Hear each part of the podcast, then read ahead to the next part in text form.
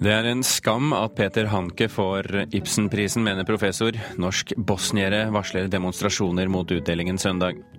12% av journalistene i fagpressen har fått en artikkel stoppet etter inngripen fra Fagbladets eier. Og hovedrolleinnehaveren og resten av barna bærer oppsetningen av Billy Elliot i Oslo. Det mener vår anmelder som kommer i studio om litt, og det gjør også dagens fredagspanel, som skal eh, snakke om siste bidrag i Breivik-litteraturen. Et rosa hus og en kjempestor hammer. Kulturnytt får du med Birger Kolsrud Aasund i eh, studio. Forfatteren og dramatikeren Peter Hanke vil bli møtt av demonstranter utenfor Nationaltheatret søndag, når han kommer for å motta den internasjonale Ibsenprisen. Hanke er kontroversiell bl.a. fordi han har tatt det serbiske statsoverhodet Slobodan Milosevic i forsvar. Det bosniske miljøet her til lands mener det er en skandale at Norge står bak en slik tildeling. Ville gjerne. Noe er blitt umulig. Noe annet er blitt mulig. Annen, et annet som Han er en av de ledende dramatikerne i Europa, Peter Hanke.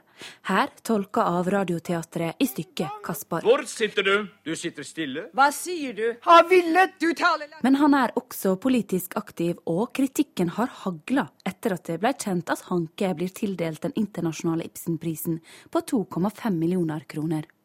Det er forholdet østerrikeren har til den tidligere presidenten i Serbia, Slobodan Milosevic, kritikerne trekker fram. Og da særlig den talen Peter Hanke holdt i begravelsen til krigsforbryteren. Ifølge Wikipedia sa han dette. Jeg kjenner ikke sannheten, men jeg ser, jeg lytter, jeg føler, jeg husker. Derfor er jeg her i dag, nær Jugoslavia, nært Serbia, nært Slobodan Milosevic. Det bosniske miljøet i Norge reagerer kraftig på at Peter Hanke får en pris som er oppretta av den norske stat. En skam for Norge, mener talsmann for Bosnia-Hercegovina-forbundet i Norge, Edin Kadribegovic. Søndag planlegger de en demonstrasjon når Peter Hanke kommer til Nationaltheatret i Oslo for å ta imot Ibsenprisen. Jeg tror ikke de som er for å gi Hanke prisen, skjønner uh, hvor store ringvirkninger det, det har å hedre, å hedre en mann som, som igjen hedrer øh, øh, altså ultranasjonalister i Serbia. Også Helsingforskomiteen har reagert på tildelinga. Generalsekretær Bjørn Engesland støtter aksjonen så lenge det blir en rolig markering utenfor Nationaltheatret. Man markerer et syn og ikke, ikke opptrer på en måte som skulle ødelegge en, en, en markering, eller en, et, et arrangement der. Men reaksjonene stopper ikke der. Å gi Ibsenprisen til en mann som støtter folkemord er skandale, og juryen bør gå av, mener professor i statsvitenskap Bernt Hagtvedt. Altså, det er veldig autoritært å gi en sånn pris i Ibsens ånd til en mann som støtter folkemordiske regimer, og så nekte å delta i en offentlig drøftende saken. Det er så vidt jeg skjønner bare mulig i et. Det ville vært utenkelig i vitenskapelige sammenhenger eller politiske sammenhenger. Det er ren amatørskap, og juryen bør skiftes ut med en annen jury snarest mulig. Juryen har en samlet holdning til at eh, Peter Hanke har sin personlige rett til å si det han har sagt, og gjøre det han har gjort. Det sier juryleder Per Boje Hansen. Han vil ikke diskutere prisutdelinga før den er overstått søndag. Det som er stridens kjerne her, er jo hvorvidt de handlingene og holdningene som Peter Hanke har stått for, er av en slik karakter at de diskvalifiserer ham. Og vi mener jo da selvfølgelig at mange av de påstandene som nå kommer fram, ikke er rimelige. Men det å gå inn i en diskusjon rundt enkelte av disse påstandene blir vanskelig, for da blir det en diskusjon ikke om det prinsipielle, om han har gjort seg fortjent til prisen eller ikke, men da blir det en diskusjon om de ulike påstandene eller om de ulike holdningene til Peter Hanke. Og om de kan det herske forskjellige meninger. Norsk-bosniske Kadribegovic håper den fredelige demonstrasjonen søndag får Hanke til å levere prisen tilbake. Håper at utfallet vil bli at han uh, sier fra seg prisen som han tidligere har gjort, med Heinrich Heinen-prisen. Reporter i denne saken var Ann Irén Finstad og Torkil Thorsvik. Kulturkommentator Agnes Moxnes, forstår du ønsket om at Hanke må gi tilbake prisen? Det er jo ikke vanskelig å forstå det, fordi at det er en pris som vekker til live svært sterke følelser. Peter Hanke han valgte å gå inn i konflikten og krigen på Balkan med et slags upåvirket blikk. Altså han ønsket å være en kontrær stemme. Han skrev en reisebok der han beskriver serberne som ofre, og han talte altså da i Milosevics begravelse. Og det kan virke som det var en rolle Peter Hanke egentlig likte ganske godt, både som forfatter og samfunnsmenneske. Men det han glemte, hvis man kan si det sånn, det er jo å opplyse om at han også så at eh, serbernes politikk førte til det mange, blant andre også Bernt Hagtvedt, definerer som et eh, folkemord. Forstår du eh, da Bernt Hagtvedts ønske om at juryen bør gå av?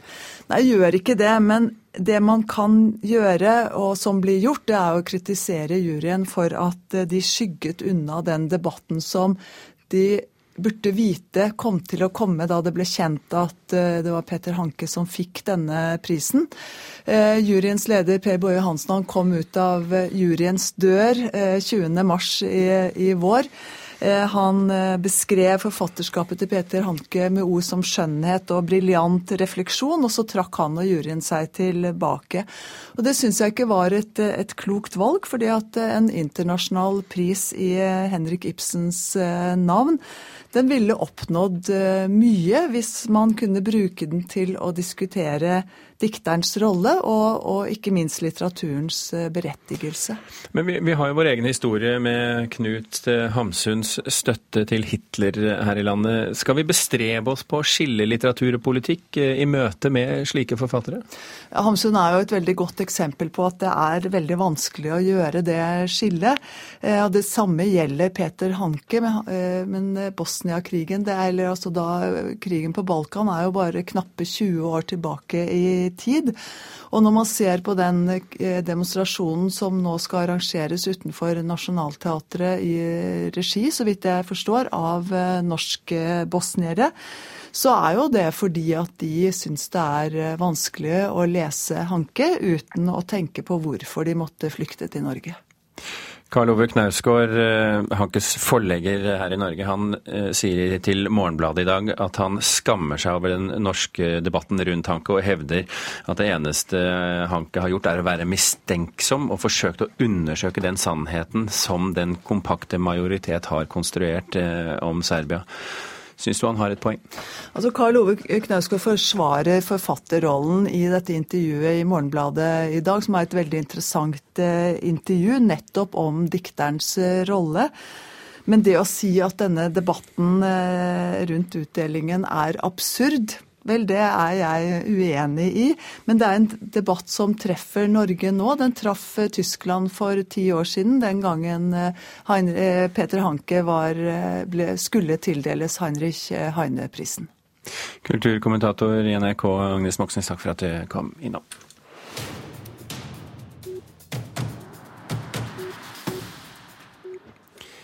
Til noe helt annet nå. For eh, når musikk, musikalen om Billy Elliot for første gang settes opp i Europa utenfor West End i London, så skjer det i Oslo. Premieren var i går, og slik hørtes det ut. Jackie, jeg tenkte jeg skulle prate med deg. Er det? Hvis det er litt vanskelig nå, så kan vi finne ut av det. altså. Hva er det du sier for noe nå? Billy har ikke vært på boksetreninga på fire uker. Har han ikke vært på treninga? Nei, så de der 50 pensa, hvis det er vanskelig, det finner vi ut av. 50 pence, er du snakk... Har han ikke vært på treninga? Hvor faen har han vært hen da? Veit ikke.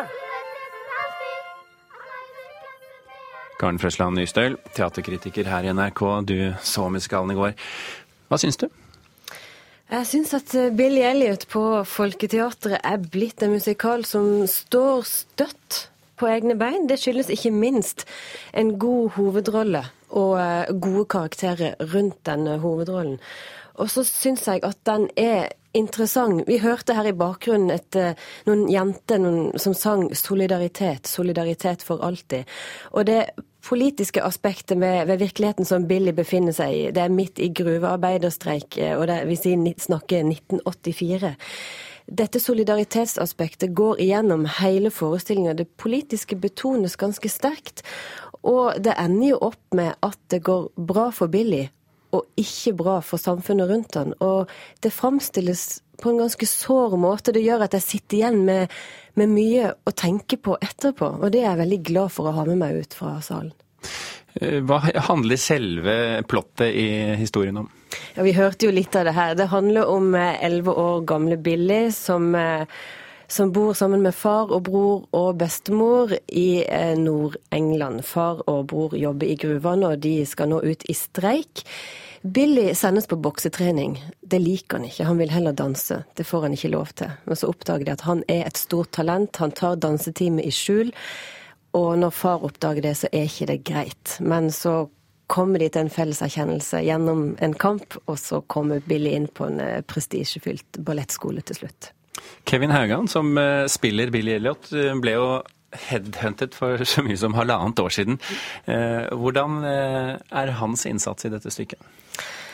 Det er han som bærer hele denne forestillinga. Han synger godt, han danser godt, men mest av alt så har han et helt spesielt nærvær der han står på scenen. Uansett hvor mange i ensemblet som er rundt han, hvor mye kaos det kan være, hvor mye dans og hvor mye som skjer, så er han hele tida til stede i rollen som Billy, og det lyser ro av han. Er, han har en trygghet i den rollen som gjør at, at, han spiller den fantastisk bra. Men det må jeg si at regissør Linn Olsen har jobba utrolig godt med hele barneensemblet, for det er masse barn med i denne forestillinga.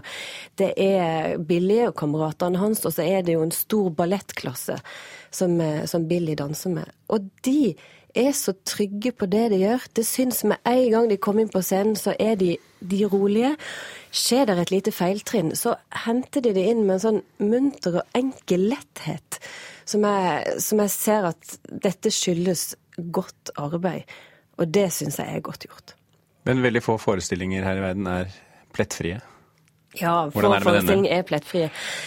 Elliot tar seg opp etter hvert. Den starter, syns jeg, ganske svakt, med, med, en scene med et fullt ensemble på med en gang, og ganske mye scenografi som skal vise eh, gruvesamfunnet. Det ligner store maskiner som flyttes fram og tilbake. Og når det skal demonstreres og danses og synges samtidig av minst 30 mennesker midt imellom all denne store, grå scenografien, så blir det nesten ikke plass.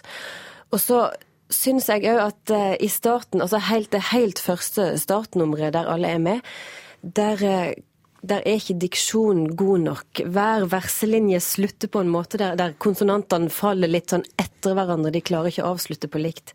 Men de tar det, de tar det inn etter hvert og, uh, og spiller seg godt inn. Så sangtekster som er sånn halvveis innimellom, og et svakt åpningsnummer, det, det, gjør, det gjør, sitt. Men musikalen i sin helhet er, er god. Karten Frøsland Nysøl, takk for at du var med i Kulturnytt. Klokken er 16 minutter over åtte. Du hører altså på Kulturnytt, og dette er toppsakene i Dagsnytt nå. Ja-siden har tapt uavhengighetsvalget i Skottland. Skottland forblir en del av Storbritannia. Den barbariske trusselen som IS står for må bekjempes, sier statsminister Erna Solberg. Og langt flere enn før overlever kritiske hodeskader. Hver tiende journalist som jobber i et fagblad har opplevd at artikler de har skrevet har blitt stoppet av bladets eier. I tillegg innrømmer 35% av journalistene at de har drevet selvsensur til fordel for eieren. Det kommer frem i en ny undersøkelse om redaksjonell frihet. Fagpressen omfatter 230 blad, eid av ulike yrkesorganisasjoner, og arbeidstakerorganisasjonen Unio mener funnene i undersøkelsen er alvorlige det tyder jo på at eh, det kan være behov for en fornya debatt om eh, både redaktørplakat og ikke minst hvordan eh, den blir praktisert ja, i de ulike miljøene. Sier leder i hovedorganisasjonen Unio, Anders Folkestad. For, for da høres det ut som en iallfall nærmer seg eh, ei, om ikke ufri, så iallfall et innskrenka handlingsrom for redaksjonene i eh, slike blad. Fagpressen er medlemsorganisasjonen for 230 fagblad i Norge. Hos Sykepleierforbundets medlemmer dumper f.eks. bladet Sykepleieren ned i postkassa, mens medlemmer av Norsk Fysioterapeutforbund får tilsendt bladet Fysioterapeuten elleve ganger i året. I undersøkelsen laga for Journalistforum, som er forumet for journalistene i fagpressen, går det også fram at 35% av journalistene har drevet selvsensur til fordel for bladets eiere. Administrerende direktør i fagpressen, Elin Floberghagen, er overraska over tallene. Jeg er overrasket fordi at uh, de eh, sakene vi får inn her, i liten grad har gått på disse, disse områdene. Vi har langt oftere gått på saker som er publisert, og som i ettertid har skapt konflikt eh, opp mot eier. Jeg mener at resultatene i rapporten bør gi grunn til refleksjon hos utgiverne. Sier Vegard Venli i Journalistforum. Aller fleste journalister har genuint ønske om å gi leserne et, et sannferdig bilde av hva som skjer der ute i verden. Eh, og Hvis man har det som utgangspunkt, så opplever da at, eh, at journalistikken blir stoppa eh, av, av, sin egen eier. Det er klart at det er veldig frustrerende for, for journalistene. Elin Floberghagen ønsker nå å ta grep for å styrke den redaksjonelle uavhengigheten i fagpressen. Alle medier som er medlemmer hos oss, er jo forpliktet til å følge Varsom-plakaten og Redaktørplakaten. Og eh, hvis det ikke er tilfellet, så, så, skal vi rådgi og bistå eh, partene i dette.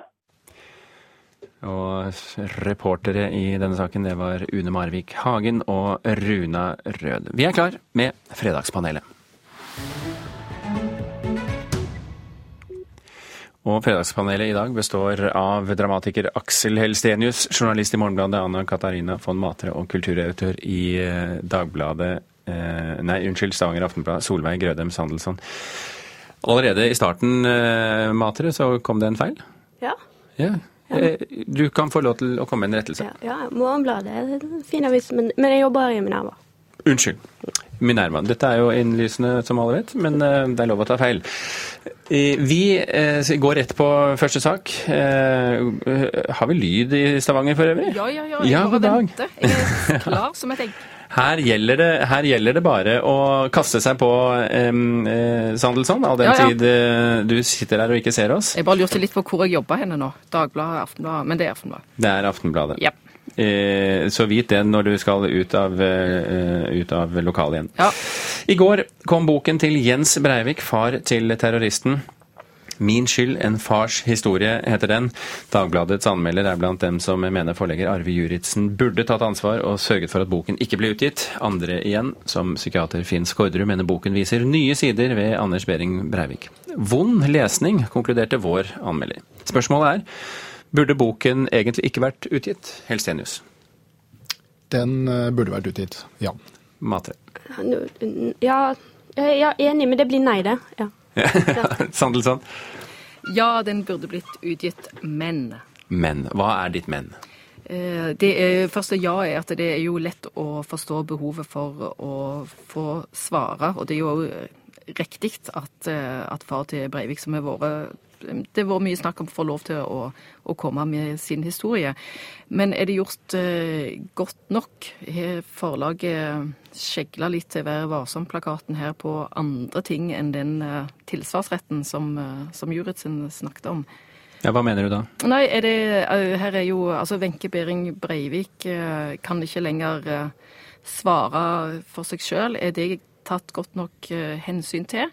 Har en jobba tett nok sammen med, med Jens Breivik sjøl, som ikke har utgitt bøker eller deltatt i, i, offentlig debatt eh, så mye tidligere om eh, omkostningene. Har en vurdert det opp mot eventuell informasjon som har stor verdi for offentligheten osv. Ehm, nå har jeg bare lest eh, anmeldelsene, så, men det er jo de spørsmålene en sitter igjen med. Burde det vært utgitt i den formen? Matre. Det, det, er jo en av eh, bl.a. Joakim Lund i Aftenposten kritiserte at Arve Juritzen hadde påstått at det var et journalistisk arbeid. Um, det, for meg virker det definitivt som det ikke er et journalistisk arbeid. Det er en biografi. Eh, det er hans eh, tanker og meninger som kommer frem. Og det er helt forståelig at han har lyst til å, å komme frem med det, fordi det har vært skrevet så mye om hans eh, rolle tidligere i andre bøker der han ikke har eh, fått uttalt seg. Eh, men, men, og det å påstå at det skulle være journalistisk, det, det, det virker litt tynt. Eh, men, men, det kan hende at det hadde hatt godt av å være et journalistisk arbeid. Ville den da sett annerledes ut, tror du? Ja, det tror jeg. Da hadde man fått plass til eh, å stille noen spørsmål som han kanskje unnviker i boken. Ja, jeg tenker litt annerledes. Jeg tenker det, det er, altså, er det forlegget Arve Juritzen om han burde tatt ansvar og sørget for at boken ikke ble utgitt. Det er vel sannsynligvis han som har sørget for at den ble utgitt på alle måter. Og det syns jeg er en annen diskusjon. Altså sånn, jeg ville tenkt, hvis jeg hadde vært i den situasjonen, at jeg hadde nok stukket hodet ganske grundig ned i sanden og holdt det der. Men nå har vi da en trend at hodet skal opp av sanden, og det skal skrives bøker om katastrofer, og alt skal frem. Alle pinlige detaljer. Så boken er jo da, føyer seg jo pent inn i rekken av trendbøker nå, hvor man tar tak i katastrofer og prøver å endevende absolutt alt. Og så ligger det vel kanskje også et sånt grunnleggende spørsmål, et ønske i kulturen, at vi skal få det endelige svaret. De ordentlige to strekene under svaret. Hva var det med denne fyren? Hvilket vi selvfølgelig aldri får. Men derfor så kommer denne boken ut, og sannsynligvis flere bøker også. Bør vi ikke få alle brikkene på plass, i den grad det lar seg gjøre? Ja, er det mulig? Det er det jo selvfølgelig ikke. Ja. Nei, Nei jeg, jeg, tror jo at vi, vi, bør være litt forsiktige med å prøve å finne alle, alle svar, og i alle fall ikke en, inne hos en privat familie, sånn at vi kan få orden på dette og parkere det et sted som, som ikke hører vår felles eh, sfære til. Eh, vi har vært intenst eh, opptatt av alt som har med syke og familie og barndom å gjøre. Kanskje vi skulle snakke mer om ideologi. Vi får eh, ta den diskusjonen ved neste korsvei. Vi går videre til neste spørsmål her i Fredagspanelet. Henny Arling malte nemlig huset sitt i Steinkjellerkroken i Bergen knall rosa, midt i et miljø av bare hvite hus. Etter at naboene klagde, så krever kommunen nå at hun maler huset om. Og spørsmålet vårt er, skal vi ikke tåle noen form for farvekreativitet i slike saker, Matre? Nei. Helsenius? Absolutt, ja.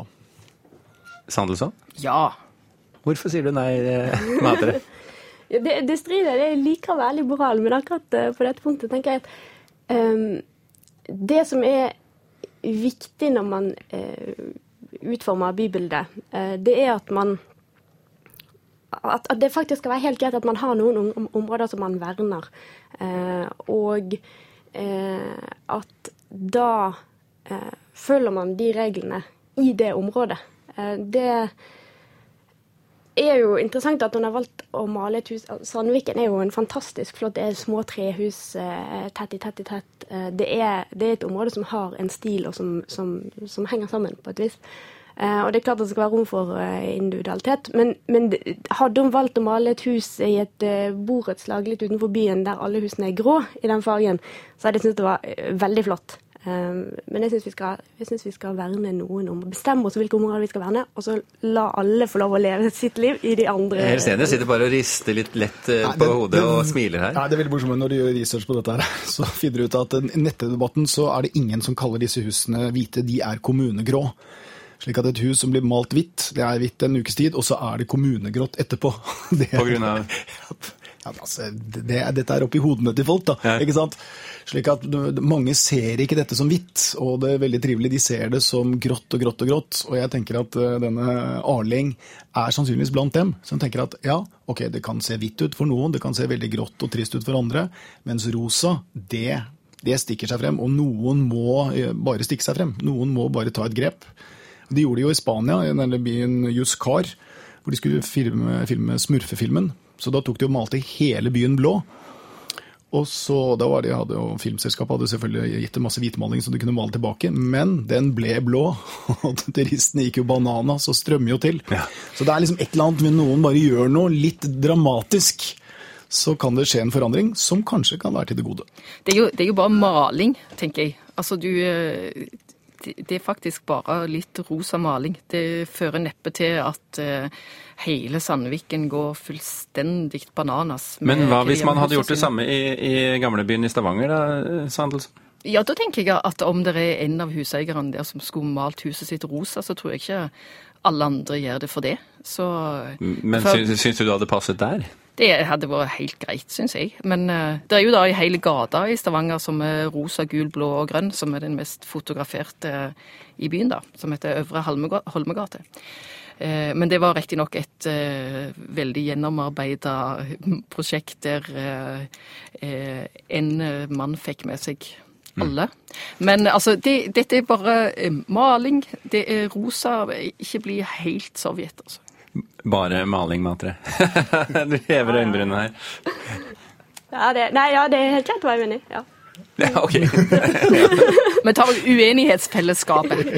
La oss få snakke litt om hammeren. Vi har litt dårlig tid, men la oss snakke litt om hammeren også. Et minnesmerke altså, som skal hedre krigsmotstanderne i den kommunistiske Osvald-gruppen, eh, består av en hammer, lik den som var i Sovjetunionens flagg, som knuser et hakekors. Ansatte i NSB ønsker å plassere den foran Østbanehallen i Oslo, mens forretningsmann Christian Ringnes sier nei takk. Spørsmålet er skal vi tåle kommunistisk kunst av denne bokstavelige sorten i 2014? Korte argumenter nå. Ja.